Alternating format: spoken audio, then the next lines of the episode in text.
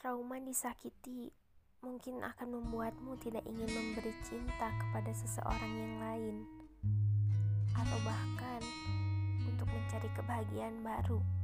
Kamu masih belum mampu karena lagi-lagi kamu takut jika suatu saat akan dikecewakan lagi oleh dia yang kamu cintai. Tapi apakah kamu lupa?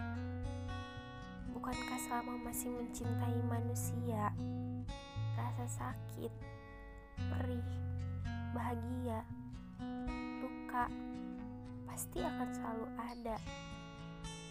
Jadi, untuk kamu yang masih memiliki rasa trauma karena pernah disakiti, maka biarkan rasa sakit itu menganga. Tidak perlu dipendam, jangan dibungkam biarkan saja waktu berlalu untuk sekedar memulihkan. Akan ada waktunya kamu siap untuk membuka hati lagi dan memulai segalanya dengan keadaan hati